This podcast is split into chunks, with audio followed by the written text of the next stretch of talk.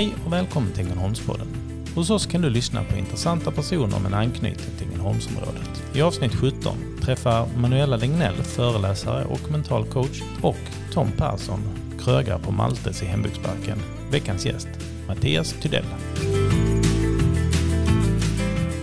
Dagens gäst är mångsysslaren och multientreprenören från Grevie som vägrar att sitta still. Med mottot att inget är omöjligt förrän man provat och lagt ner sitt allt i något har han tänkt på gränserna under sina 49 år i livet. Han är bland annat en av skaparna till världens största innebandyturnering Outdoor.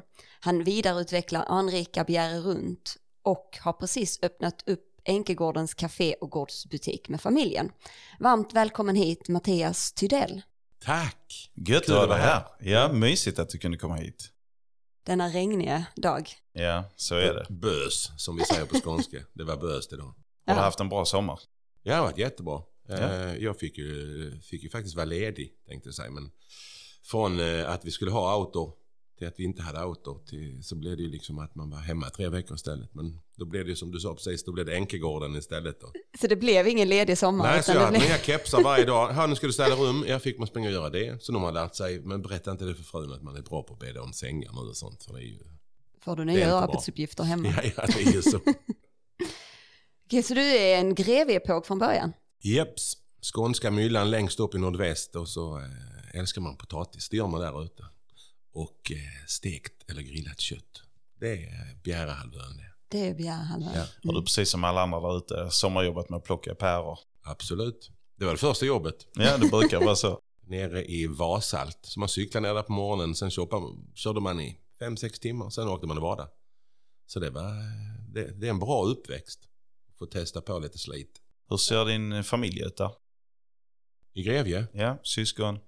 Ja, egentligen bara en, eh, en bror och hans familj kvar där. För mor och far bor här i Ängelholm och min andra bror också. Så det är, och sen är det lite annan släkt ju. Eh, Du har två bröder. Ja, lite äldre.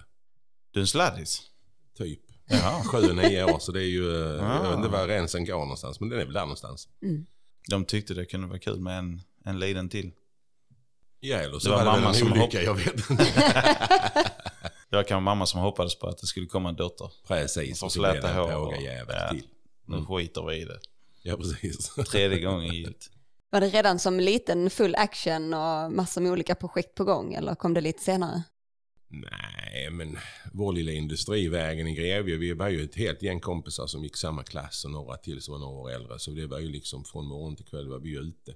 Om det var vinter, när jag var liten kunde man ju åka pulka.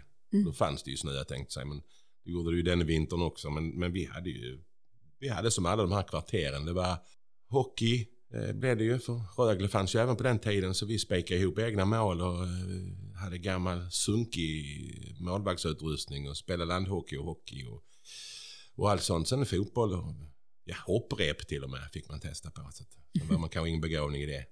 Men eh, det var det här klassiska. Busa. Mm.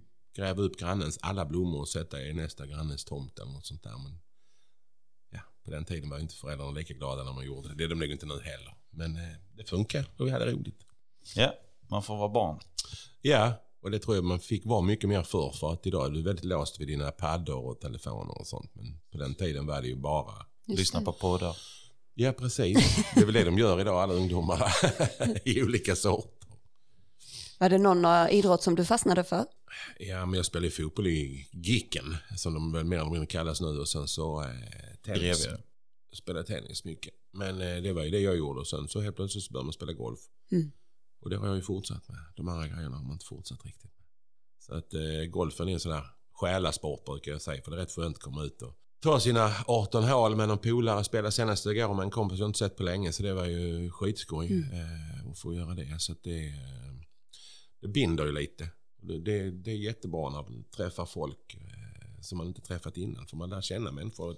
Du får ju lite tid med dem Mm. på någonting där alla gillar. Som, som, ja, spelar du dåligt så är det kanske inte lika gillande. Men så är det ju med all sport. Padel är inte så rolig heller när du spelar kass. Så att, eh, Spelar du paddel också? För ja, det jag är har också en börjat sån... lite nätt med eh, det. Ja. Eh, vi, vi, två olika gäng som spelar. Det ena gänget förlorar man alltid med och det andra är sådär 50-50. så det är ju... Eh, men det är skoj. Det är det. Men här är ju... Ängelholm måste ju snart vara Sveriges paddeltätaste stad. Alltså det är ju... Ja, Det det dyker är- upp nya arenor. Nu var det en uppe i inte, vad heter det, ute, över... Eh, vad heter det, där uppe på Attendo, där Ararp låg där ju en på nu hörde jag, en utomhusbana som ligger ensam. Oh, den är fin. Ja, har du spelat där? Ja, ligger mitt ute i åkrarna. Mycket mysig. Ja. Så att, eh, nej och här är ju, och det ska bli mer. Ishallen ska ju bygga flera och någon mer skulle bygga. Så det, det är väl kul men frågan är var liksom gränsen är.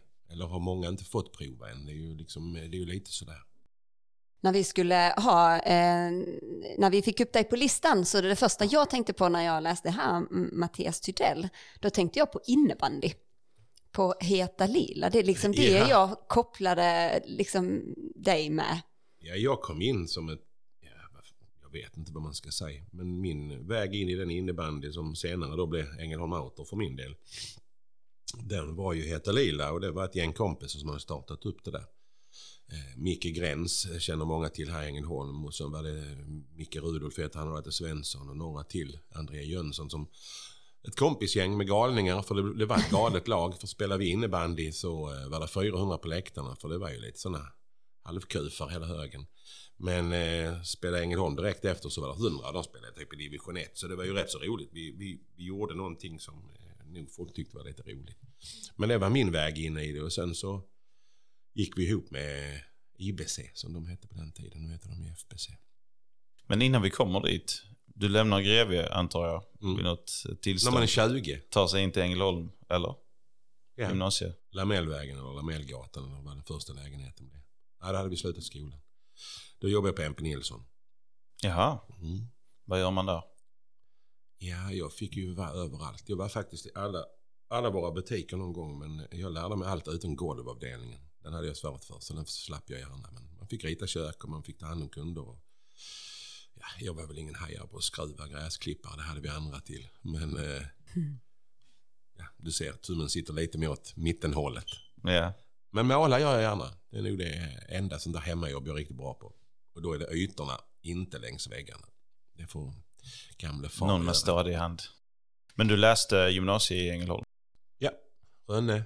Som, ja, det är ju den enda skola vi har idag. Vi hade några privata men det är ju Rönne och den ser ju absolut annorlunda ut än när vi gick där. För vi har ju den som boende på eh, vår innebandyturnering. Så vi är ju där ibland och tittar och det den ser ju inte alls ut som när jag var där. Vad är det som är skillnaden? Med? Det enda som är hundra samma det är väl aulan. Vi hade ju inget atrium för jag tror vi hade biblioteket där atriumet. Alltså det, det har ju, men det är klart allt förändras ju. Sen 49 år sa du, man glömmer. och det är ju så. Så att, eh, nej. Vad läste du där? Handel och kontor hette faktiskt en Ja. linje på den tiden. Så det var ju liksom jobba mot butik väl och eh, lite åt säljarhållet och sånt. Och det är väl den personligheten jag är. Du fick mycket kundkontakt på MP. Ja, men det fick man. Eh, MP Nilsson var roligt så jag jobbade ju först i Förslöv fick man lära sig. Och det var ju andra jobbet kan man säga. Efter man plockade päror och sånt här så, så var jag på brädgården i Förslöv. Med Jonny. Eh, på den tiden lastade man in brädorna för hand. Idag kör de ju in allting med tryck. De bara kör ut långa armar och så bara lägger de det. Men eh, det är därför man har breda axlar. Det är väl det jobbet man la på den tiden. Bra längdkänsla. Man har lärt sig det för att ögonmåttet har eh, fixat en. Efter gymnasiet så fortsätter du jobba på NP. Ja, ett tag där och sen så eh, kom ju den här första krisen tror jag där början på 90-talet och den drabbade Jempe Nilsson med. Och då eh, slutade jag något år där eh, och började jobba på Åkagårdens golfbana med familjen Åvall när de byggde, det fanns väl nio hål, jag tror jag- jag var med och byggde de sista nio. Och fick vara med i den processen då ute som barnarbetare och det var faktiskt riktigt roligt. Eh, och det var väl det också som har gjort att man blivit ännu mer golfnörd en gång, en gång i tiden. Man är inte lika golfnörd idag. Eh, och där var jag en stund. Sen så blev det ju bättre på MP och då började jag på kontoret. Fick ta hand om eh, leverantörer och eh, löner och sådana grejer. Så att man fick testa på det också. Så att, eh, det var väl det sista sånt man gjorde på MP. Sen var vi tillbaka nere i Båstad efter något år. Eh, och fick ha den här kundkontakten. Var man inte sitt. Jag är, ingen som kan, jag är inte så bra att sitta helt still på ett kontor hela tiden. Det spritter lite i kroppen. Ja, vi sa det, svårt att sitta still och mycket, mycket projekt på gång. Var, var kommer det ifrån? Vad är det hos dig Mattias som... som Jag liksom... vet inte. Där är kanske något som eh, inte är utrett från eh, tidig ålder. Jag vet inte faktiskt. Men eh, nej, men jag gillar att ha många järn i elden. Det är väl det. Att, Och det har ju blivit en del nu den sista tiden. Så det är ju, men det är väl, man måste våga. Vågar du inte så hur länge går man och tänker på det sen? Varför gjorde vi inte så? Mm. Eller varför gjorde jag inte det? Eh, jag har en eh, underbar eh, chef och kollega i Sebastian på Petka där jag jobbar idag som vi hittar på massa roliga bus tillsammans. Så vi har ju, jag får han att vilja göra nya grejer vilket utvecklar oss. Och det har ju blivit helt fantastiskt det vi håller på med. Sen projekten är ju lite långa. Vi har gått in i Höganäs bryggeri. Vi har gått in, han, han har gått in i Enkegården så han och Anna är, min sambo är ju partners där. Jag är ju bara dräng med den här nya kepsen hela tiden. Bädda om eller det är någonting annat. Varje gång jag är där så är du pysslar i... i Ja, ja, men det är alltid något som ska fixas. Och sen ska du köra och handla. Eller det, är något, alltså, det har ju gått förvånansvärt fort Mm. eh, för oss att bli omtyckta och det gillar vi. Mm. Men eh, det är ju lite så. Det är, ju, det är mycket jobb, men jag gillar det. Vi kommer säkert tillbaka till Enkegården lite, men jag tänkte du tog Mm. en avstickare också till USA. ja, det var väl egentligen eh, bara sådär en kul grej jag skulle göra. Så jag var över där från... Jag tror jag åkte någon dag efter den här fruktansvärda Estonia-olyckan. Och sen så eh, oktober någon gång. Och sen var jag där till februari, mars. Eh, jag åkte bara över till pappas släktingar, eller våra släktingar. Så jag bodde där och tog bartenderexamen och spelade ju otroligt mycket golf. Han var ju med i någon sån här superfancy privat anläggning där han fick ha med sig en spelare varje dag. Det var Det du. utnyttjar jag. så det var ju som att spela på Tylösand, Halmstad norra eller vad ska man säga, de här superbanorna i Sverige. Fast Mm. dubbelt så bra. De hade, vad hade de, sex greenkeepers på sex hål. Sen var det nya greenkeepers på nästa sex. Så de hade ju totalt 18 som jobbar med, men i Sverige kanske de är sex på hela banan på vanliga banor. Så det är, det är stor skillnad. Bartender. Är det någonting du har använt efter den eh, Ja, så examen? kom jag ju hem till eh, Sverige och sen så frågade de lite då i Grevjeparken och sånt där. Du har ju tagit bort den. Kan inte du hjälpa oss? Ja, kan vi väl göra någon gång. Så Anna hon serverade när de hade sina dansegill och sånt där. Men eh, jag menar, Lennart, Ragnar, Josagrogg, eh, vo- vodka, vad heter det? Eh, Russian. Alla de avancerade. De här väldigt avancerade sakerna. Här skulle man lära sig 200 drinkar i huvudet och det kunde man på den tiden. Man, man satt och pluggade på lappar. Och, eh, det var ju riktiga test när man skulle göra upp det här. Mm. Så kom man tillbaka till Sverige och det var ju sex drinkar som gick. Men det har ju blivit lite bättre. Eh, 1900 och de här som eh, kom, det, de kommer ju av en anledning att folk vill göra, vill testa någonting nytt. Det känns väl också som ett ganska naturligt yrke att ha om man gillar att flabba lite med folk också. det är det ju. Eh, bartender är väl den som får veta mest. De snackar med allt. Eh, Jag, jag kan tänka det. De Om pratar allt. med allt och alla och killar och tjejer och allt vad det är. Och, och Tom, då har du någon som kan hoppa in på Malte som det skulle vara kris någon gång i baren. Behöver någon med en bartenderkeps där inom kort tid. Ja, den kepsen, vi har ju inte så stor bar på Enkegården. Vi, har ju, vi har ju fulla rättigheter så, så vi serverar ju öl och vin och lite sådär. Och vi gör ju lite jippo, precis som eh, Maltes gör där nere. Men eh, det blir inte så mycket bar. Det är mest öl och vin. Vad, vad tog du med dig från USA då? Vad, vad liksom, vilken erfarenhet fick du med dig? Att min engelska försvann och blev amerikansk. Eh, för det första, för jag pratar ju mycket mer med den amerikanska accenten eh, på min engelska. Även om du träffar engelska. Ofta byter ju folk väldigt mycket, det gör man inom Sverige med. Men den har fastnat. Men sen, jag är ju eh, landet USA. Hela familjen frälst i. Vi har varit där väldigt många gånger och försöker åka över så ofta vi kan. Vad är det ni gillar med det? Så det är nog så här, åker du över som vi har gjort nu de sista åren, eller som många åker som turist, så du, du är enormt väl mottagen var du än är. Det, som turist är du lite kung. Eh, sen ibland kan man ju tycka att ja, de säger howdy och hej till alla på gatan. Men är det äkta eller är det... Men jag tror det är mer äkta än vad vi tror. Sen så finns det ju ett helt gäng idioter i det landet med, men det finns det ju här med. Så det är ju liksom, de kanske fler och de syns mer där, för de är ju mycket mer utåt, eller vad man ska säga. Det, det, de ser ju verkligen inga problem. Och är det problem så lägger de... Ja, du kan ju kursa ett företag i USA nu och starta om det om två minuter. Det, det, det är liksom ingen som... Men det är ju därför deras den här låneklockan går som den gör. Ja, den snurrar ju rätt snabbt. Vi jobbar ju inte riktigt på samma sätt där. Har ni någon specifik plats i USA ni gillar? Alltså jag var ju i Florida när jag var där och Florida. tycker ju Florida är fantastiskt. Men sen har vi ju varit runt, vi har ju mycket släkt uppe eh, utanför Boston och där uppe i New Hampshire. Och, och sen har vi ju vår kollega på eh, Pet Epic här som eh, har ett företag där över som säljer så att vi ligger lite på den marknaden för de ligger långt före oss. Eh, och sen så, men vi har ju förälskat oss i Kalifornien de sista åren. Dottern gick i skola där ett år då, då blev det ju rätt många gånger där. Mm. Kan ju varmt rekommendera Napa Valley. Det var häftigt. Känns som vin för mig. Ja det är det ju. alltså, och det roliga var att vi, vi diskuterade i veckan liksom att när du kommer ut på, vi var nere i måndags för Anna är bara ledig på måndagarna. Då var vi på Österlen och man ser ju alla äppelträden där nere. Men Napa Valley är det ju istället vindruvor. Mm. Men skillnaden är att där finns ju inte en vanlig tomt utan det växer vinrankor på tomterna med. Så du använder all mark du kan eh, göra. Så det är ju skithäftigt. Sen är det ju väldigt kul att åka runt och prova vin. De har ju fördelen där att det är 0,8 i promille. Så du kan åka och prova de här små vinprovningarna. eh, utan Är det att, verkligen eh, en fördel? Ja, där är det ju det. Eh, Men sen hemma gör man ju aldrig det. Ja, men det, det är ju verkligen sådär. Mm. Men sen är det inte så bra. Händer något i USA så är det nog inte så positivt för den som kör krockar även om du bara har 0,2. Det kan man ju inte det där. De är ju lite liberalare just i det. Sen tycker jag det är bra här hemma. Vi är stenhårda det ska det vara. Mm. Inget snack. Men vi är ju vi är ju ett land med mycket mer regler än vad, vad de har. Och regler är ju bra till viss del. Sen kanske vissa regler. Det finns för mycket av det också. Det är lika mycket som det finns kanske lite för mycket frihet där ibland. För att, precis som det finns i södra Europa. Att man inte man eh, kanske inte är så, eh, man litar inte på sina regeringar. Och Alltså, vi ser ju det nu när det har varit pandemin. Här, är här lyssnar man, de flesta i alla fall. Mm. Och tar det här gemensamma. Nej, vi får nog ta den där sprutan i alla fall. Just det. Ja.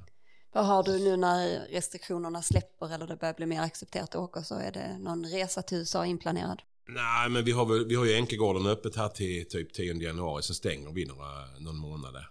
Eller en och en halv kanske. Vi, hon vet inte. Vi, vi får väl se. Fortsätter att rulla på som det gör nu. Kanske det får vara öppet. Mm. Men hon behöver ju vara ledig. För det är mycket jobb. Eh, Mm. Och då har vi väl en tanke på att åka åt det hållet. Eh, någon vecka till Florida. Någon vecka till eh, Kalifornien. Mm. Det är lite kallare där då. Men eh, Florida kan väl vara rätt skönt. Hon sa Bora Bora. Jag vet knappt var det ligger bara. Det, om det är eh, Indonesien eller... Nej men det är väl kanske... Nej det är Stilla havet. Kan inte Kolla det. inte på mig. Nej, den- den sidan är inte riktigt... Men jag tror inte det är i, eh, i Västindien. Men det hade också varit skönt. Det får ni kolla upp. Kanske ja, vi har testat. Jamaica och Mm. Barbados och lite sånt. Men det är helt klart... Hon vill nog bara ligga ner i två veckor och vila Ja, efter eh, första året. Jag tänkte bara så att man förstår att du jobbar, jobbar ju, du har en heltidsanställning. Mm. Och utöver det så har du då en massa olika projekt som du jobbar med. Ja. Till exempel Enkegården och sen har du Höganäs bryggeri. Hur, liksom, hur får du ihop ditt... bryggeriet, där gick vi ju in för Lukas eh, frågade om jag visste någon som kunde tänka sig köpa ut hans bror. Och då pratade jag med Sebastian om det, om vi skulle försöka få någon av våra kinesiska vänner kanske göra det här. Men då tyckte han att varför gör inte vi det istället? Mm. Det blev så där, så att vi inte är inne och rör speciellt mycket. Utan de gör det bra. Jag menar, de har haft jättetufft, eller vi. När eh, coronan kom och eh, restaurang blev som det blev. För det är ju restaurang vi säljer mest på. Mikrobryggerier ligger ju mest där. Mm. Men eh, nu har det rullat på i sommar. Har vi har tacovagnar, vi har fått fylla tillstånd själv och, och ni vet ju alla utanför saluhallen och garage där ute så har vi ju också vår plats nu och det har varit fantastiskt sommar. Det var ju fint väder länge. Det är ju bara nu det är lite tradigt. Men eh, så det tror vi starkt på men det behöver bara få sin tid. Men Petcare då, som är ditt vanliga jobb, Mm. kan man säga så? Ja det är mitt jobb. Ja. Vad är, vad är det för eh, uh, firma? Alltså, Petka, det hör du ju lite. Ta hand om djur då. Men eh, man brukar alltid få den här frågan. Kan man jobba med hund och katt? Absolut. Och vi har skitroligt. För det är liksom det vi försöker få vårt jobb att vara. Inte bara för oss utan även för de anställda. Sen är det ju aldrig lika kul att stå på ett lager. Som det är och för oss som får vara ute på mässor och vi flyger tvärs runt i hela världen. Vi jobbar som sagt, det är hund och katt, Skandinavien och marknaden. Vi har börjat snegla ut och börjat få lite kunder i Schweiz, eh, Frankrike, eh, Holland, eh, Tyskland. Så att vi börjar ju gå lite utåt och titta. Vi köper in oss i lite fabriker och sånt.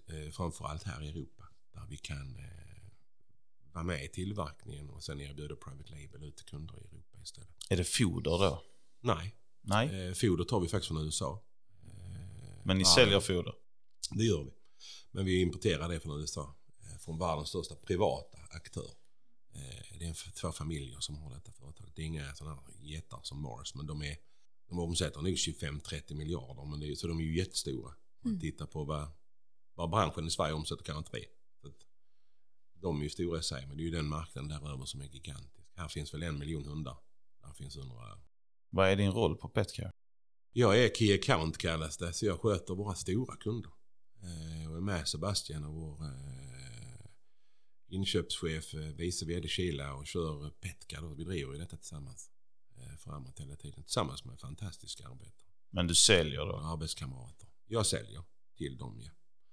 Eh, gör jag. Så det är ju allt från eh, GK och Ullared som nog de flesta känner till vid det här laget. Gör man inte det har man inte tittat på TV. Eller vet. Alltså, så är det ju. Sen är det ju XXL och du har eh, Fälleköpet som äger Granngården och då blir det de två. Mm. Eh, Jula, Högs, Dollarstore. Vi har många som vi jobbar mot och vi har flera som knackar på dörren. Men vi har ju valt liksom att nu jobbar vi med dem och försöker jobba med dem till vi har en stabil grund där att stå på. Sen får vi ta nästa steg. Då. Och det har funkat jättebra.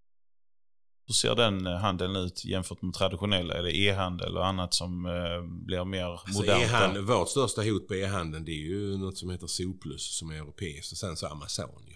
Eh, som nu kommer hit eller som är här men jag vet inte hur stora de är på djur än. Men Soplus i Europa är ju gigantiska här. Amazon är ju jättestora i Europa men de är inte så, stora här än. Mm. Sen finns det ju väldigt bra svenska hemsidor. So.se och Vetso, hund.se och allt vad de heter. Men de är ju mikroskopiska om man jämför med, med de här stora.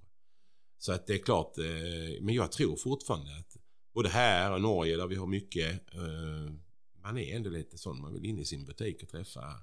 Mm. Eh, det är ju så, skickar du efter grejer i Tyskland, det vet ju du Tom som jobbar med, med vissa tyska leverantörer. Det tar inte två dagar att få grejerna till butikerna. Det tar ju lång tid för dem. Det kan ju ta upp till två veckor att få hem sin fodersäck. Det gör du ju inte när du är i Sverige. De svenska hemsidorna tar två dagar. Mm. Vi har det ju liksom, vi är duktiga på den här eh, logistiken. Eh, men sen om man tittar butik. Jag är ju, jag är ju väldigt, jag är ingen skannare på ICA. Jag tycker om att träffa folk. Men tänk om det bara är du och jag som gillar att åka till butik och prata med dem. Den stora massan är mer bekväm av sig och gillar att trycka på en knapp. Det kommer nog bli så. Nästa Eh, generation är ju ser ju liksom helt annorlunda ut. med bara Ja. knappar. Där behöver man Ja, men det aldrig är prata de. med någon. Nej, lite så är det ju. Så det är ju också frågan, var är världen på väg när det är på det viset? Jag tycker ju fortfarande att det här mötet som man har med människor är ju fantastiskt. Vi är ju ett av de få företagen kanske, vi är ju väldigt annorlunda för vi vill, när våra leverantörer kommer så ska de bo hos oss om vi kan ha plats till dem, om jag har plats här nere. Eller vi är i Jönköping och Sebastian, så, så försöker vi ha dem inneboende när de är. För att lära känna dem. Vi, vill, vi är väldigt sociala. Det är vi även i vårt sälj. Vi åker till mässor i USA.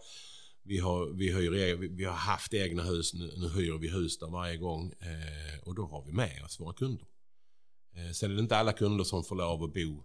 Eh, för det kan räknas som att det är... De, men de får själv köpa sina flygbiljetter och sånt. Men vi löser boende och vi har jäkligt trevligt tillsammans. Men det är alltså relationer och bygga Ja. relationer och, Det och det de här vi nätverk, de är ju, och jag tror de kommer oavsett eh, i framtiden kommer de bli ännu viktigare. Ja men det är det ju. Mm. Eh, och det är bara frågan hur den där knappen kommer att bli. Om den blir väldigt tydlig eller helt enkelt ungdomarna behöver en spark i röven så de går ut och träffar folk istället. Men vi hade det gratis. Vi lekte på gatan och där kom alla andra och ville vara med. Mm. Det var annorlunda förr. Mm. Eh, Idag är ju, eh, även om det är allt är förenklat med våra mobiler och paddor och datorer och tv-apparater som pratar med dig och du klappar hemma, tänder lampor och sånt där. Det, det är ju liksom, när vi var små fick man gå fram och ändra tvn med, manuellt med fingrarna och det fanns ettan och tvåan och någon dansk väl för oss här nere.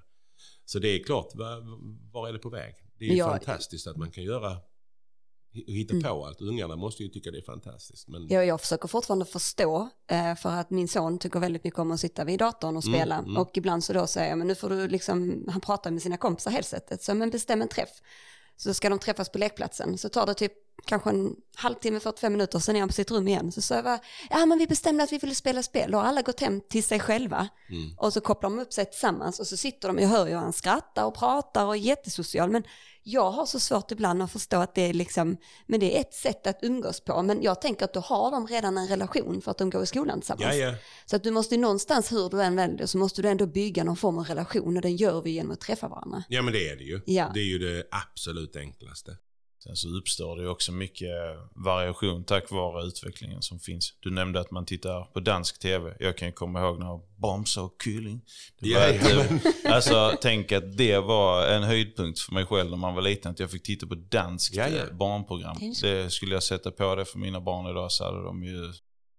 Men, men det finns, ju, ju alla- det finns ju fantastiska möjligheter med det här också. Jag tänker du reser runt i världen och det kommer kunna bli mer kontakter globalt.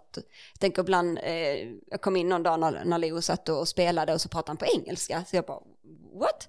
Så jag frågade han efter han var färdig, så sa, kom det sig att ni pratade på engelska? Jo, det var det ju två stycken som hade joinat deras spel som var från England.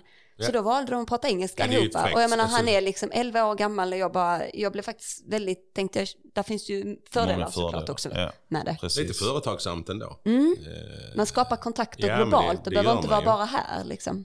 Nej, det, och det, det, det tror jag man gör. Eh, sen som du sa, resa. Hur kommer det se ut i Mm. framtiden? Det är ju också... Eh, blir det elflygplan? Mm. De finns säkert redan. Men där är, där är många som sätter stopp i hjulen och vägen för att de vill tjäna pengar först. Det är ju lite så. Det har ju blivit väldigt, väldigt pengastyrt eh, i hela världen idag. Du har ju mottot att ingenting är omöjligt, så att vem vet vad framtiden har att Ja, ja, man där. kunde inte bygga en tredje våning på ishallen sa de ju. Och nu eh, kör jag förbi den rätt så ofta. Exakt. Jag tittade hem på den idag och den börjar se riktigt fin ut för nu är ju liksom väggarna på sista planet uppe. Så att, men det gick ju. Det gäller bara att någon konstruktör får väl räkna var de här förbannade pelarna ska vara så att det håller. Och någon måste visa vägen, det är väl Ja, ofta ja, så, så i alla situationer. Mm. Någon måste visa att det går. Ehm, Jag tänkte Absolut. på eh, den här, eh, vi var inne på Heta Lila lite innan och innebandy. Mm. Ehm, Det ledde ju också till någonting som har varit väldigt stort. Ja, det gjorde det ju. Eh, Ängelholm Auto tänker du säkert. Ja, det gör jag. Eh, som hette Råbock Auto Cup från början. Just det. Eh, Men vi stannar där. Mm. Det är alltså världens största utomhusturnering. eh, inte 2020 och 2021. men men, eh, eh, alla andra år har det varit- 2019. 2019 var den. Eh, Men det är ju vi- helt eh, fantastiskt egentligen. Jag undrar hur många Ängelholmare framförallt som reflekterar över att det är så. Eller det bara är den där innebandyturneringen som Alltså, kommer varje år. Jag tror de reflekterar över det. För var du än går, vilken restaurang du än är på, så är det ju liksom kids eller ungdomar. Jo, men eller att den är världens största. Nej, det kanske de inte reflekterar över. Men Det tycker jag Den är är- ju nog det med 500 lag. Så att, Mm. Alltså mer än när- närmsta turnering. Så att vi, men vi vet också eh, att 2022 har många som knackar på dörren och vill börja. Så vi har ju en eh, tuff målsättning nästa år. Vi har utökat turneringen med tre dagar. Oj. Istället för 12 blir det 15.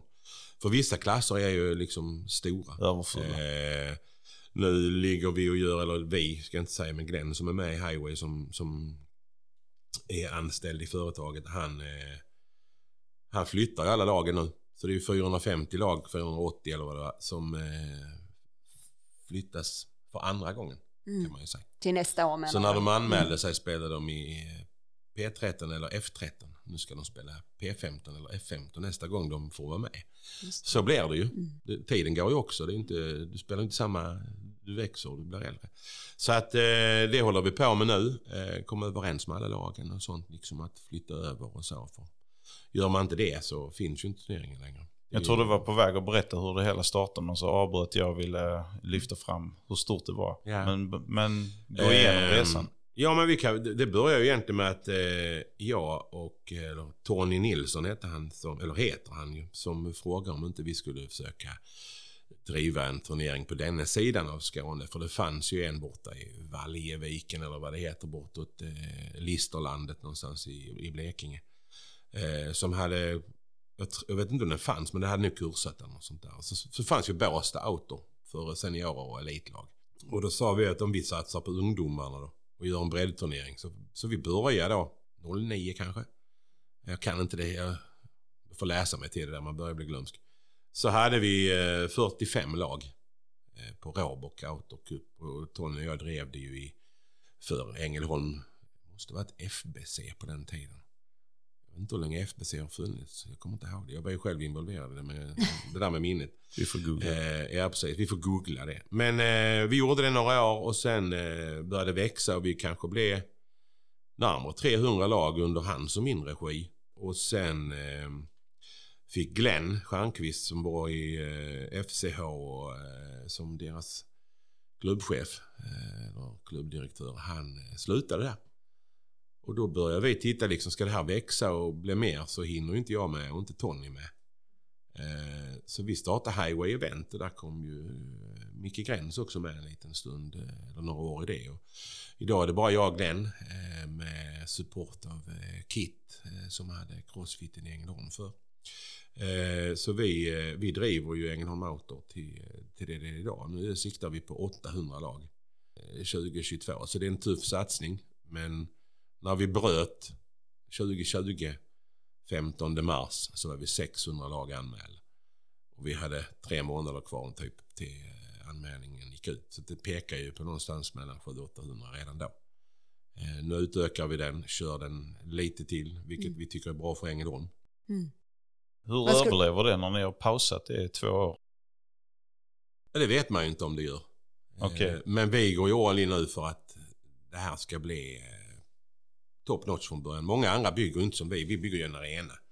Eh, och det ska vi göra nu. Vi, planen vi hade var ju liksom en helt fyrkantig arena. I och för sig hockeyställningar. Men, men eh, det kostar alldeles för mycket att få till det med inhyrda läktare och sånt. Men vi bygger det så. Vi bygger, eh, där skulle vara food court och där skulle vara en massa sådana grejer. Men det rann ju ut i sanden allting. Men allting sånt är ju, vi är ju färdigplanerade och vi har gjort det så många gånger. Ja, och ni hade 600 lag anmälda så att nästa ja, år kommer det vara... Eh, någonstans mellan 400-500 eh, klara när vi, för första september kör vi igång igen. Eh, då går ju allting igång för. Inför nästa. Vad skulle du säga att det eventet betyder för Ängelholm egentligen? Det är ju det största eventet som finns. Det har blivit det. Eh, och det är ju, man får nästan lite gåshud. Det är lite roligt att man får vara med och driva ett event som eh, fortfarande finns, fortfarande är stort och som betyder mycket. Man hör ju när man är iväg och man hör av kompisar och sånt. Eh, har en kompis som heter Stefan Lindqvist som, som var uppe på eh, något hotell i Göteborg. Och så kom de in sånt. Ja, var kommer ni ifrån? Ängelholm. Där har jag spelat innebandy. Mm. Det är lite fräckt. Dottern gick skola i LA ett år. Träffade några träffat ett gäng svenskar där och de hade också spelat innebandy i Ängelholm. Eh, så att det är ju, eh, man ser den sporten, den är ju ändå rätt så stor i Sverige men man ser ju ändå att lilla Ängelholm sätts på kartan på ett sätt som man kanske inte trodde från början. Nej. Men hur löser man det praktiska i allt det här? Det är ju väldigt mycket människor som ska ha någonstans att bo och man ska transportera Så vi har ju visst boende för vi får ju vi får Skolan ju nämnde du innan. Ja. Eh, nu ska vi försöka bygga på kanske både en och två skolor till, till nästa år om vi är så många lag. Och då sover de i klassrummen alltså? Ja, ja. klassrum och ja, sådana här mindre rum, jag inte vad det kallas. De brukar ju ligga mittemellan. Mm. Med grupprum? Ja, grupprum typ. Eh, och vissa lag kommer de ju liksom ett helt gäng eh, tioåringar som är 20 stycken och de, är, de bor ihop men de spelar två olika lag på turneringen. Eh, och, och, fler och fler väljer ju kanske att lägga sin semester under en vecka i Ängelholm. För vi försöker lägga turneringarna så att är du 10 kan du spela både i 10 och 11. Så att de ligger efter varandra. Så kan de stanna lite längre och vi får folk här att stanna i Ängelholm och tycka om, eh, för vi tycker ju om det. Prata om att skapa relationer. Ja, på ett mm. sätt gör man ju det och vi mm. försöker bygga det på det viset. Men vi har ju jättemånga som kommer tillbaka varje år. Mm. Eh, och det är också en styrka ju. Så inte bara nöja. Sen är det jättekul att det kommer många nya men det är viktigt att ha den här, den här basen som bygger.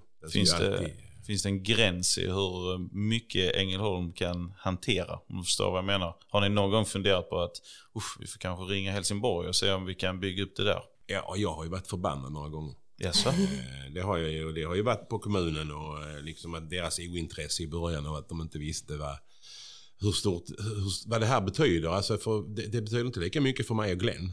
Eh, vi driver det, vi är ett företag som, vi, som många andra.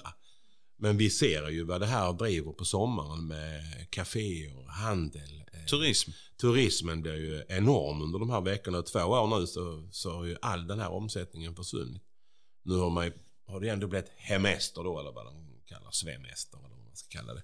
Så det har ju varit mycket folk i, i bygderna i alla fall. Men vi, vi ser ju eh, så. Så jag har ju varit inne på flera gånger att vi skulle flytta till Helsingborg för de är betydligt villigare med, med bidrag även då till oss som ett företag som driver detta. Mm. För att marknadsföra det ännu mer och få ut det. Men, men eh, det hette Ängelholm Auto. Eh, det spelas i Ängelholm och det ska spelas i Ängelholm. Det, det, det, man fick väl ta ner sin lilla stridstup där ett tag och sen så eh, bara köra. Men, men så var det. Men politikerna är ju helt på vår sida. De vet ju exakt vad detta ska bli. Nu ska vi göra det ännu bättre. Eh, vi har möte med, med, med kommunen och eh, tjänstemännen under hösten. Men innan dess ska vi sitta med Ängelholms näringsliv, Andreas, eh, Lisbeth och, och eh, jag tror eh, Kristina, kommunchefen och några till. Där vi kan eh, där vi lägger upp en plan. För vi, vill ju, vi tycker hamnen är fin. Eh, även om det är jävligt mycket grus och skit. Men har vi en arena där nere, varför har vi inte den i eh, tre månader så vi sätter Ängelholm ännu mer på kartan? Det, det, är ju liksom dit vi vill komma. Golven står hemma i min lada på Enkegården. Eh, fram till några veckor innan vi ska spela. Nu har vi hyrt ut den när det varit pandemi. Eller mm. Munke Ljungby får låna det. Men första juni till sista augusti och eh, vill eh, Tom Maltes eh, hyra arenan för att göra en musikkonsert med Thomas Ledin så gör det. Mm. Men det här, sätt upp det, gör någonting där nere så att det finns eh, möjlighet för alla. Det finns basketläger i Ängelholm men ingen vet ju om det. Men spelar du utomhus och du kan vara där nere så mycket som möjligt. Eh, så vår vision det är att hitta ett golv som vi kan spela ute på även när det regnar. För det kan vi inte idag. Och vilket betyder att ja, föräldrarna blir ju blöta precis som om det är på en fotbollscup eller eh, det är väl det enda fanet i det hela då. Men eh, mycket roligare, mycket enklare att arrangera. Vi behöver inte liksom det blir trångt. Eh, hallarna, eh, vi kom till någon hall någon sommar, där hade ju pannan gått sönder. Så det var ju 42 grader varmt när vi kom in. Mm. Kvittar hur många dörrar du öppnar. Men eh, så, så din vision är egentligen att bygga en stor arena som kan vara på plats under längre tid så att fler egentligen skulle kunna utnyttja den. Jag tänkte nu i yeah. sommar har vi haft mycket projekt för barn och ungdomar. Yeah. Grönvit hållbarhet har jobbat mm. med olika föreningar för att få barn i rörelse. Då skulle man kunna ja, använda det, är det, det här. Som, det är det som är tanken där. Ja. För finns, vi spelar ju ofta vecka 20, eller mm. Vi börjar fredag vecka 29 och slutar vecka 31 söndag nästa mm. år. Det är, det är troligtvis det vi spelar. Det är inte hundra satt än, men det är så vi. Men och då behöver vi några dagar innan för att bygga upp. Då höjer vi den i våra tre veckor. Men sen kan, eh, sen kan basketläget som brukar vara i början av juni tror jag, eller något mm. sånt där. Då kan de ha sitt. Du kan kanske ha mm. andra, eller kanske paddel eller vad fan som helst. Ursäkta att jag svarar. Men, men eh, alltså använd den. Ja, samskapa. Eh, hamnfesten, ja. ja. men den kan väl komma tillbaka då. Mm använd det området tillsammans med resten av hamnen. Mm. Men det är kanske inget som driver där ute för det är ju SSSSS. Om ni vet. ja, det är många S. Men, men eh, där finns ju möjligheter. Eh. Arenastaden då? Det känns ju väldigt naturligt att tänka på en sån plats när man pratar om idrott och Ja, du pratar om att bygga upp läktare och allt annat. Är det inte det som är lite hela tanken med den ytan där ute? Att samla så mycket som möjligt? Jo, och vi har varit för jag har gått samma klass som, som Svante på Backahill och Svante Paulsson. Och han har ju varit på oss i många år att vi ska ut där och vi har haft möte med de olika klubbdirektörerna och sånt. Det har aldrig blivit. Eh, jag vet inte varför. Om de det är, är rädda för att innebandyn kommer in. Eh, världens och... största innebandyturnering. Ja. Mm. Utan närhet av någonting annat. Eh, där ute synergimässigt så är det ju outstanding bäst. Skillnaden är att vi får ha lite... Bussar minibussar som hela tiden ligger och kör ner mm. folk till... Eh, eller får vi ha det här tåget. Så Just det, lilla pyttetåget. pyttetåget ja. Eh, men det är väl klart, återigen, kan man bygga en tredje våning på ishallen så, och, och en ny ishall att träna i och du ska bygga padelhallar och allt möjligt. Eh, säkerligen någon sporthall också om jag inte kommer ihåg ritningen helt fel. Så eh, är ju det naturliga att det ligger där. Jag tycker det låter jättespännande. Det ska bli väldigt intressant att följa och se vad som kommer ut av de här diskussionerna när ni samlar de här krafterna i Ängelholm. Ja, eh, det tror jag kan bli riktigt häftigt. För menar, kan man ha tre månader där nere så... Eh, det är ju tre... Alltså Ängelholm är ju en sommarstad trots allt. Eh, utnyttja det. Så vi hoppas att kunna ha någonting så att de verkligen kan göra någonting där nere. Jag tänkte ju, det händer ju något extra nästa år också, eller? Tänkte vi nämnde innan att du är 49 detta året. Betyder det att du fyller... Nej, jag tänkte ju stanna där. du, du väljer liksom, du går inte över gränsen? Nej, det får väl räcka nu. Mm. Ja, det stämmer ju. Då kanske det, det blir man, blir, man går över på fel halv, vad heter det, planhalva eller vad kallas det?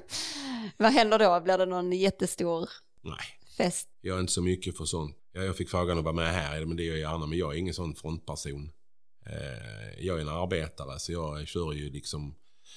Eh, jag försöker ha Glenn till att sköta allt sånt när det är highway. Och, eh, nej, jag, jag, jag syns och trivs bra med dem som, eh, som man arbetar med. Mm. Men eh, det, andra kan få stå och prata. Jag mm. brukar inte vara den typen. Sen är jag inte rädd för att prata. Eller, eh, det bekommer mig inte. Men eh, har väl aldrig tyckt det varit något speciellt. Nej. Utan jag eh, visar genom att vi bygger grejer som är jävligt bra. Vi, Outdoor som du sa, ja super. Eh, nu har vi Bjäre runt den helgen som kommer. Eh, och visionen där är att 2025 ska vi ha 5000 cyklister och göra Sveriges coolaste cykellopp. Eh, som kanske blir två. Eh, nu kom det en liten twist. Eh, nej, men vi vill, Hur ser ett coolt cykellopp ut? Det jobbar vi på. Det är också väldigt svårt. För de swishar ju förbi många gånger. Eh, har du ett långt lopp som det långa på 96 km så de utmanar ju sig själv och kör ju liksom kanske lite mer eh, racing. Och eh, de som kör 50 ligger väl någonstans mittemellan. Men vi har ju ett förbannat häftigt lopp mellan eh, eh Stortorget och Magnarp. Där kan tusentals cyklister vara med. Men bara lilla Ängelholm borde uppskatta och göra det. För att jag tror inte många har cyklat den sträckan. Den är helt brutal. Först cyklar man längs ån, kommer ner mot ja, i Skälderviken till hamnen. Sen cyklar vi vid havet hela vägen ut till Magnarp. Och det är ju... Vi cyklade den i fjol själv och uh, hade picknick på vägen. Lite, fick lite, vi köpte ostbricka på ostbutiken, köpte lite vin med oss som vi kylde och så satt vi och drack picknick halvvägs. Eller en mm. bit ut och sen så uh, cyklade vi till Magnarp. Nu var det kanske inte vi som lekte med, med Petson och Findus men, men uh, otroligt trevligt och bara ha det här. Det var ju 27-28 grader varmt. Men den sträckan är ju magisk. Ja det är den. Du mm. cyklar hela vägen mm. där och skeppar kroken. Och det är en liten och, lekplats också. Man kan stanna till om man då har ja, barn ja. till exempel. Och där Vi badar på vägen och, tillbaka. Ja. Vad heter den här i Skälderviken? Eh, Svenjons. Svenjons udde. Där hoppar vi i vattnet mm. och sen så upp igen på cykeln mm. in. Ja, sen blev det ju torget och någon pilsner efteråt. Men det fick man göra. Ja, så det ska ju vara ett sånt där familje och kompisgängslopp. Det får inte bli som i Helsingör. Man fick lägga ner för att de blev för fulla. Men, men njut och cykla det här. Det är liksom två mil fram och tillbaka. Jag tror du nämnde Kit innan som är med och... och hon är fantastisk ja. i eh, detta arrangemang. Undrar om inte hon har sagt någonstans att det är Sveriges vackraste... Jo, det är det. Både detta. Mm. Men det långa loppet, eh, hon har ju kört det många gånger. De har cyklat det många gånger. Och hon har med Mats från Snapphanorna som eh, är ute och cyklar mycket som hjälper henne. För nu ska man leda om motorvägen. Så nu får vi ha lite ny sträckning i år. Det är hela tiden. Och var får vi cykla, var får vi inte cykla? Men helt klart så har vi pratat om att lägga ett lopp på våren också. För då är, då är här ännu vackrare. När alla eh, rapsfälten står i blom. Och, eh, alltså, cykla ut på Bjäre då. Det borde alla göra. Man är ju för slö själv, man gör inte det själv. Nej, man åker till golfbanan och spelar golf. Och sen när man åker hem så ser man alla de här gula fälten. Man, man, I jobbet flyger man eh, när det är normala år eh, och man kommer in över eh, allt det här gula. Det är ju fantastiskt. Men nu tänkte vi att vi kanske nästa år ska, sen om det blir Bjära runt Spring Edition då, eller vad, det får man ju se. Men vi har ju, det är ett starkt varumärke som har funnits 52 gånger. Så det är klart, det är ju... Eh, Eh, ja men det är väl rätt. Bara bygga vidare på Vidareutveckla Men någonting som redan... kanske kan starta Båstad istället. Eh, så man gör det lite annorlunda än, eh, än det andra. Och kanske en annan slinga eller hur man nu ska göra det. Men eh, helt klart, för det är ju två, är ju, vi, vi bor ju otroligt vackert. Så hon har helt rätt i det. Mycket jag tänker på en grej Mattias. Du sa innan du har många järn i elden och vi hör hur du pratar passionerat om många saker. Många människor har ju ett jobb man går till. Sen är det ju till och med det ibland för mycket. Hur funkar din hjärna egentligen? när man då behöver ha så här mycket aktivitet.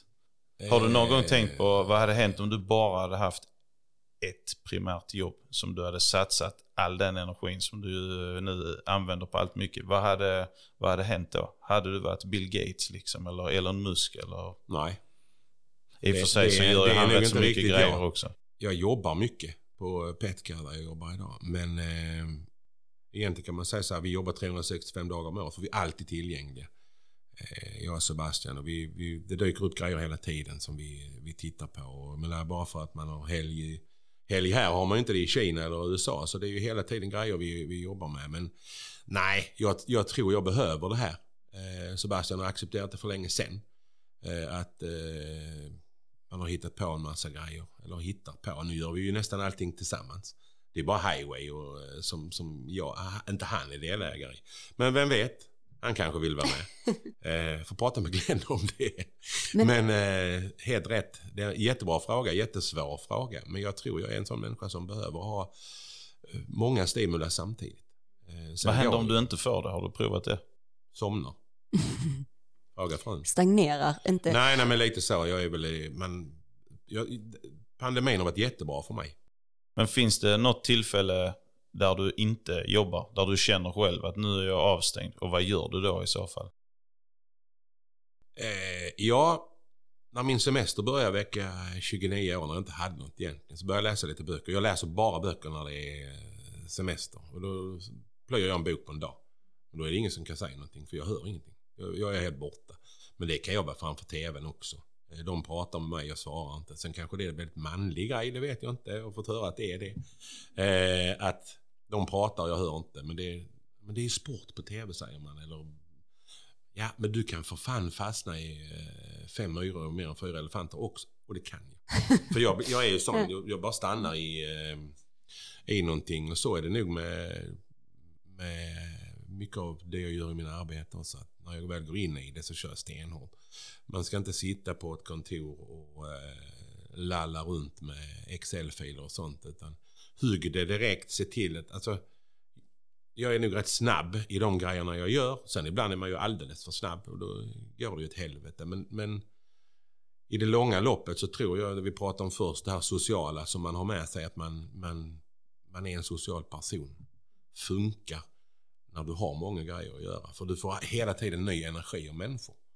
Och jag tänker på det här också med definitionen av jobb. Det är ju också någonting som vi utvecklar och, och det händer mycket i samhället just nu. Oh ja. Och att det kanske det här det, den definitionen vi har av jobb just nu är inte så det kommer att se ut i framtiden. Och det finns väldigt många som är, mång, är mångstimulerade människor. Alltså det finns en jättebra föreläsare som pratar just om det. För att många vill att vi ska, ja men vi måste fokusera på en sak. Men det finns människor som trivs bäst med att ha många saker. Och jag kan tänka mig att du är en av dem. Det är nog. Och då blir det mer det här att det är energierna som driver en och de här uppdragen man har. Och det kan inte riktigt är samma sak som det här traditionella jobbet som man tänker på. Och det är väl säkert därför Sebastian, du sa han har fått acceptera det som du är. Och det är ju för att när du får göra den här, de här grejerna så kan du också bidra mer på ja, ja, men då blir jag ju bättre. Exakt, det är, ju, det är, det det handlar om, att få, den, få, det, få det utrymmet liksom som, eh, som individ. Och det gillar jag, att vi börjar jobba mer åt det här lite mer anpassade och flexibla arbets... Eh, ja, och vem vet hur ser det ut efter pandemin? Jag menar alla mm. de som har jobbat hemma. Mm. Jag har alltid jobbat hemma. Mm. Eller alltid, men, men jag utgår ju hemifrån. Mm. Eh, och eh, många, jag tror det kan ena med en förskräckelse för många. Men jag är van vid det. Jag har inte ett kontor jag åker in till. Jag har ett kontor jag går in till. Eh, det är som frugan, hon har en restaurang hon kan gå till. Det är, det är ju rätt lyxigt. Ja. Eh, och ha så nära. Men sen kan det säkert vara, många blir lata. De sitter hemma garanterat. Det blir inte jag. Jag är väldigt effektiv. Sen är det otroligt roligt för jag är på Petka i Jönköping två dagar i veckan. Normalt sett. Så, så, och då får vi otroligt mycket gjort på de två dagarna. Där du har lager, du har inköp, du har eh, innesälj och allt det här där man kan eh, grotta ner sig. Det är mycket möte de dagarna. Men sen släpper man det och sen så är det ju väldigt mycket de är, nu är det ju bara Teams. Eh, eller Zoom eller vad man Alla använder olika grejer. Men vi tittar ju liksom Innan har vi tittat rätt mycket i nuet. Vi har inte tittat lika mycket framåt. För det har bara gått så här. Och det gör det fortfarande. Men nu tittar vi kanske lite mer. För många börjar jobba ett år framåt. Eh, av de här stora. Jag menar, ska jag sälja en kampanj till julen nu så är det nästan julen för, för eh, 2022 som ska säljas in. Det är liksom, det är så det ser ut. Så att, eh, och det är någonting jag får lära mig. Och det är rätt så roligt. För det är ju liksom nästa spår. Nu ska vi ligga ett, två år före hela tiden. Kan du ibland känna så att du önskade att du hade mer tålamod i saker? Du känns som du ligger väldigt långt fram i spjutspetsen. Liksom. Ibland kanske man tänker... Ja, men jag har inget tålamod alls. Nej. Eh, det är inte min starka sida. Det är därför som jag sa, jag, jag gillar att måla väggar. Men jag klarar inte av att måla in till fönster och dörrar. Och, alltså, jag har inget tålamod på sådana grejer. Eh, och då kan man ju undra, varför spelar du golf då? För det kan ju ta en förbannad tid att spela golf. Ja, det kan det. Men det är på något ställe du släpper allting där. Och jag har också gått av banan och det tagit tre timmar att gå nio hål. Man bara, vad är det för idioter här ute? Men ja, då har du fått spela nio hål då och sen får man acceptera det. Sen är det väl lite så. Snart 50.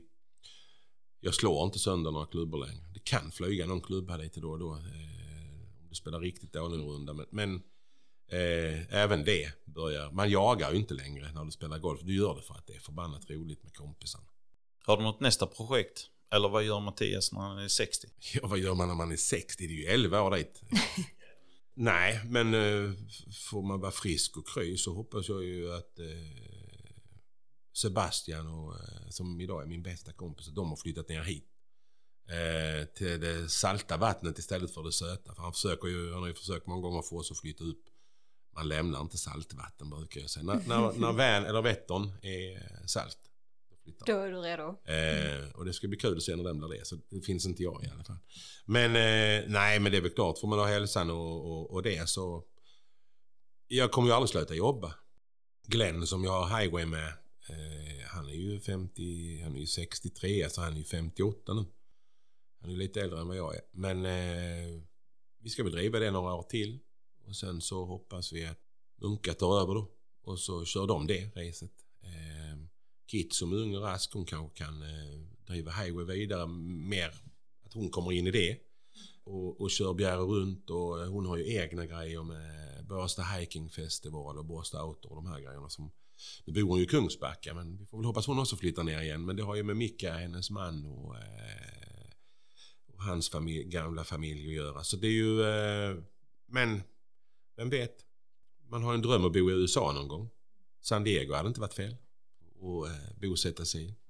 Åka ut till någon av de fina golfbanorna längs kusten och spela lite golf och, eh, och sådär. Men eh, samtidigt, borta bra hemma är bäst och Sverige är fantastiskt. Vi har våra fyra ja, längre upp har de fyra årstider. Här nere har vi kanske inte det riktigt. Vi hade det förra vintern. Jag gick på golfbanan igår och kollade rönnbären. Det blir en kall vinter om man ska lyssna på de här gammalsgrönorna eller vad det är. Det är mycket rönnbär. Då är det nog en kall vinter på gång igen. Nej, nej. Jag gillar inte snö. Eh, jag var mycket i Sälenfjällen för eh, var uppe med Fredrik och Svante för det är de som som eh, har skistar eller har familjen och vi var där uppe på loven och vi stod i liftarna och jobbade och vi, man fick göra allt möjligt och det var skitroligt. Men ju äldre man har blivit så jag flyger hellre på andra hållet och får komma till värmen. Sen förstår jag när man har barnfamilj idag och Liksom, de får knappt se snö här. Då är det rätt skönt att kunna åka upp och eh, kanske få en vecka i snön. Det, det, tror jag. Ja, alltså det är ju, jag var jätteskeptisk eh, tills jag blev övertalad av min syster och, och min man att åka till Sälen med barnen. Men det är faktiskt en av de bästa semestrarna veckorna på året för att det är så himla... Eh, Men det är ju eh, säkert, de får ju ja, sin snö de får snö, vi får åka skidor, man får ute i frisk luft hela dagen och sen kan man hänga i understället i, i stugan och spela spel och så. Det, det är väldigt trevligt faktiskt. Men, eh, att frysa fötterna. Annars gillar jag värmen också. Lött och jäkligt. Du Mattias, vi har några stående inslag i, eh, i eh, Ängelholmspodden. Mm. Och um, det ena handlar om en personlig sak som vi brukar be våra gäster att ta med. Mm. Så eh, jag skulle vilja be dig berätta vad det är för personlig sak som du har tagit med alltså. och varför just eh, du har valt den. Jo, jag var ju, jag stack över ett halvår ungefär till USA 1994 och fastnade för, det var egentligen ett rally. För de som inte vet vad ett rally är så är det ju när en moderat och en sosse står och har lite, de står och gnäbbas lite. Och då var det Jeb Bush och så var det någon annan då, det var något eh, val i i Florida. Så min kusin eh, Carl tog med mig till Tampa Square heter det. Uh, vi ska gå på rally. Och jag tänkte, fan, flugit uh, hela vägen hit och det var bara någon vecka in i min restid. Ja, men det är väl klart. Så vi åkte dit tidigt på morgonen. Tänkte, men du, det börjar ju klockan fyra kanske. Men, uh, jo men det är en kille som heter Jimmy Buffett som ska spela på den här. Ja, ja, ja. Ja, men du kommer älska detta. Och det har jag gjort sedan dess. Vi Tampa Square var nog invaderat av hundratusentals människor. Men de var inte där för att lyssna på Jeb Bush och vad den andra snubben hette, demokraten. Utan de var där för att lyssna på Jimmy Buffett. Och det har jag fortsatt med sedan 94. Du har fastnat där. Eh, Ja, och det är ju liksom Caribbean, eh, country, eh, ömusik, det är Key West, det är den här enormt mysiga, vad ska man säga, genren. Ni ser ju själv, bastkjolar Mm, och... eh, mm, lite Hawaii-tröjor där Ja, till. det är Ja. väldigt mycket. Och, och, och det är det här laid back America. Det är ju någonting som, där kan man kanske komma tillbaka lite till den här frågan du ställde in. Det går inte alltid så jäkla fort i USA. Eh, de är väldigt laid back. Och när du får lyssna på sånt här som Jimmy Buffett så, så är det ju, jag har alltid på det bilen. Eller countrymusik. Det har jag fastnat för de sista åren. Eh, så att, eller sista, countryn har kommit in de sista åren. Eh, Så jag förstår en sån som Jill Johnson. Country är fan häftigt. Men, men i Sverige är det ju liksom, den är ju dansband här. Det är ju inte den riktiga countryn som man får där över. Den kan vara både sliskig och förjävlig. Men där är mycket som är fantastiskt. Jag är ju ingen textmänniska. Jag är ju själv gammal trumpetare och sånt. Så jag, jag sitter ju hela tiden och lyssnar på melodislingorna. Alltså jag, är ju, jag kan väl lära mig texter. Men det är inte som dottern Ellen. Som, hon lyssnar på en text tre gånger så kan hon det. Mm. Det hade tagit mig tre veckor. Men melodin kan jag direkt. Och antingen är den bra, så mycket det här melodiösa som du får i mycket av den här, vad heter det, eh, greengrass och eh, alltså olika genrerna som, eh, som finns. Så Mm. Ja, att, eh, ja, så Jimmy Buffett, det är väl min eh, sådär udda grej. Det inte är nog många som vet om. kommer Spotify ut på honom nu efter Det hoppas jag och eh, där finns väldigt mycket. Men jag måste ju bara fråga, spelar du fortfarande blåsinstrument? Vad sa du, trumpet? Trumpet, ja. Nej, ja, det är den... Eh, Bara fanfar på morgonen. sist var nog för... Ja, man, ibland kommer den upp bara på jävelskap. Men, men, På eh, Enkegårdens det har eh, hänt någon gång när vi haft fest hemma och man ju då pratat. eh, Så, så några kompisar var hemma här för något år sedan. eh, Magnus och Björn och eh, Johan med, med fjällor och sånt. Och då skulle den fram. Men det, det är ju mycket roligare när de andra försöker. Liksom med knallröda huvud eller, eh, eller en annan som, ja, man har inte den känslan längre men du får ju ton och du kan spela din musik. Du, man har ju fortfarande det här gehöret att man kan spela den vissa utan till. Gud, Men eh, för de andra som ska låta liv i en trumpet, det, det, kan ju låta för jävligt. det, det gör det. Festens höjdpunkt. Du, Mattias, du ska också få eh, dra en eh, lapp här i denna fina skålen som vi har. Ehm, det är så att alla gäster de eh, skickar vidare en fråga. Så att eh, du ska få välja en lapp, läsa frågan och sen så eh, svara på den. Jag tror det står vad betyder huskvalitet för dig. Står det det? Jag har svårt att läsa den. Det gör det. Huskvalitet. ja, det var ju en annorlunda fråga. Det får man Men- säga. Men jag har ju precis byggt, för vi har ju byggt Ja. Enkegården. Och eh, för de som inte har varit där så borde de i alla fall, även om inte de vill fika eller äta lunch, så åka in och titta. Men du, vilken passande fråga ja. faktiskt, just när vi pratar om att du har precis öppnat Enkegården och du har faktiskt, även om inte du med händer har gjort Nej. arbetet, så har ni gjort jättefint på den ja, här men det, gården. det, det, det, det gick ju från ett eh, gammalt hästastall till att fortfarande ha kvar vissa av de detaljerna till American Barn. Eh, det enda som inte är den här stora logporten på, eh, på sidan. Eh, men eh, det, är ju, det är ju ett snyggt bygge.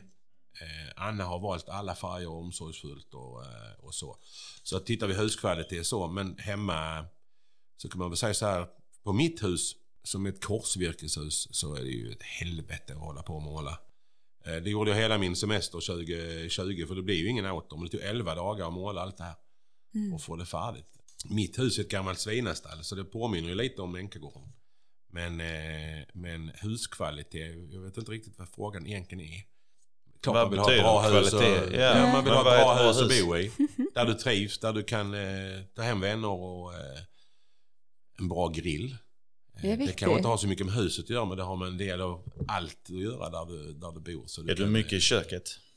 Då kan det vara viktigt att ha ett bra kök. Ja, eftersom jag har en fru Ett som stort är kök kock. Så, eh, vi- Jag säger det Anna som står vid grillen eller du förstår vi den?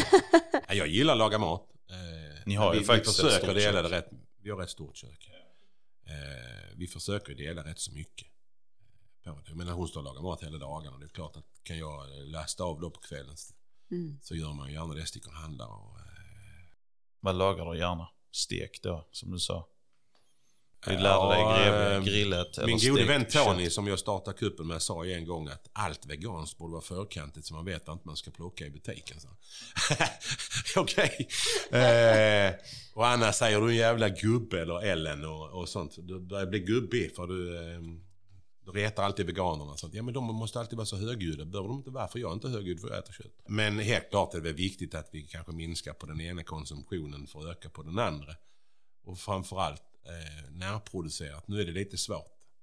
Eh, ska vi äta närproducerat får vi gå, bak, gå tillbaka till betor och eh, bara potatis. Nu, jag är ju från Bjära så den är ju rätt naturlig. Det har ju förändrats. Vi får ju in hur mycket nya influenser som helst. Jag menar, sista hitten, den sista hitten är ju fortfarande tacos. Jag menar hur många svenskar äter inte fredagstacos? Eller, alltså det ser du ju när du kommer på Maxi en söndag på den avdelningen. De har den ju helt blåst. Och de har rätt stor tacoavdelning. Det hade vi ju i ett avsnitt här med Julia Bergman, eh, hon och eh, de, åt, de äter ju tacos med ananas, hon och Dennis Everberg. Ja, alltså det kan vi också ha till. eh, men ännu värre är ju min brorson som måste ha banan. Till Den tycker jag ju är lite, det är makabert. Men nej, men, men alla har ju sina... Varianter. Ja, du Mattias, jag tänkte på eh, Enkegårdens café och gårdsbutik. Ja, och så två hotellrum. Ja, men är tanken i gårdsbutiken, vad- går ni då lite så här närodlat och... och Ja, ehm, alltså vi, har ju, vi, hann, vi börjar ju lite sent så vi hann ju inte riktigt med den här potatis och eh, den här försäsongsgrejen. Men den ska vi bli bättre på till nästa år. Mm. Eh, gårdsbutik, vi har, vi har ju närproducerat allt. Honungen har vi ju egna bikuper utanför Mm. som vi försöker få han att så mycket som möjligt göra till oss. Eh, bibonden. Men annars köper vi ju från äggen från Görslövs gård i Jonstorp. Eh, vi har Heberleins, vi har Perviken när det gäller lite korvar. Vi har Gudmundsgården i, i, i Slöinge. Vi köper te och kaffe där också uppe. Eh, vi köper eh, choklad och kola och sånt ifrån eh, Suse och choklad i, i Falkenberg. Hafi som gör mycket cider och äppelmust och marmelader och sånt. Egentligen till mycket ostbutiker och sånt. Där köper vi en del ifrån. Men vi vill ju utveckla det också. Vi vill ju bli, kunna ha kanske lite ost och chark. Men Anna har jobbat på ostbutiken så vi ska inte komma och konkurrera med dem. För vi älskar Johan och Kajsa. Utan, eh, och umgås väldigt mycket med dem. Utan det kanske mer att det finns lite färdigt när man ändå är hos oss och kan köpa med sig någonting eh, sånt. Sen gör ju Anna enormt mycket catering. Eh, och det har ju gått väldigt bra. Eh, catering. Men det finns ju inte så mycket catering som är den här vanliga Ängelholm. Du får gå till ICA-handlarna egentligen. Du har Arons, du har väl ICA Maxi, du har ICA i stan. Eh, Jag vet inte om Konsum och catering. Eh, Men, eh, och sen är det ostbutiken och sen är det kanske någon mer som, som har lite sånt. Men hon, hon kom nog i rätt tid. Mm. Och det har fått växa in över sommaren med picknicklådor och allt vad det är till nu när företagen börjar beställa. Så det är, ja, det är jätteroligt. Kul. Ja. Så vi är ju redan trångbodda. Ja. Vi tittar ju på, man måste kanske bygga någon alltså prepprum då, eller vad man ska säga, där du kan göra alla mackor och eh, sådär. Smörrebröd har vi inte hunnit de sista veckorna för att ha så mycket beställt. Det vill hon ju ha varje fredag, lördag. Så att, eh, mm. Mattias, jag är säker på att det finns ännu mer projekt som inte ens vi har hunnit eh, prata om här som du har på gång och det har varit jättespännande att få lyssna på dig och få höra liksom din historia tillbaka. Tom, är det någonting du känner innan vi avslutar och tackar Mattias här? Nej, jag tycker du har fyllt på depåerna så mycket som det, det bara går. Du får komma tillbaka när du eh, fyller 59 så får vi höra vad det blev, blev av alltihopa. Om de flyttar ner till Precis. saltvattnet. Och... Ja, eller om ni får eh, komma till San Diego, det vet man. Ja, Just just, det. det. Det ska vara Lite då. internationell Ja. style på den tills dess. Welcome to San Diego. Med lite countrymusik i bakgrunden. Ja, Precis. Alltså Den vi borde- har en Den borde vision. gå här hela tiden. Ja. Mattias, varmt stort tack för att du eh, var, var Tack själva. Tusen, Det var tusen tack. jättetrevligt. tack. Tack för att du lyssnade på oss och följ oss gärna på sociala medier såsom Instagram, Facebook eller LinkedIn. Där heter vi Ängelholmspodden med E. Där kommer vi lägga upp bilder från avsnitten och nyheter om kommande gäster. Har ni tips på gäster eller andra frågor, skicka dem gärna till info. Vi skulle vilja skicka ett stort tack till Fredrik Larsson som lånar ut sin låt Världen är din till oss. Låten finns att lyssna på på Spotify. Och till Pierre Boman som har gjort vår logga. Eftermiddagen är så lång. Kaféet är nästan tomt Och jag är lugnet själv. Där jag sitter vid ett bord. En hätsk debatt ett utländskt par jag sitter mitt emot. Jag hör tidningsbladen vänds. Sakta bakom min bil. Det skulle alltid vara vi Tills vi blev dem. Nu är hela världen min Lika mycket som. Din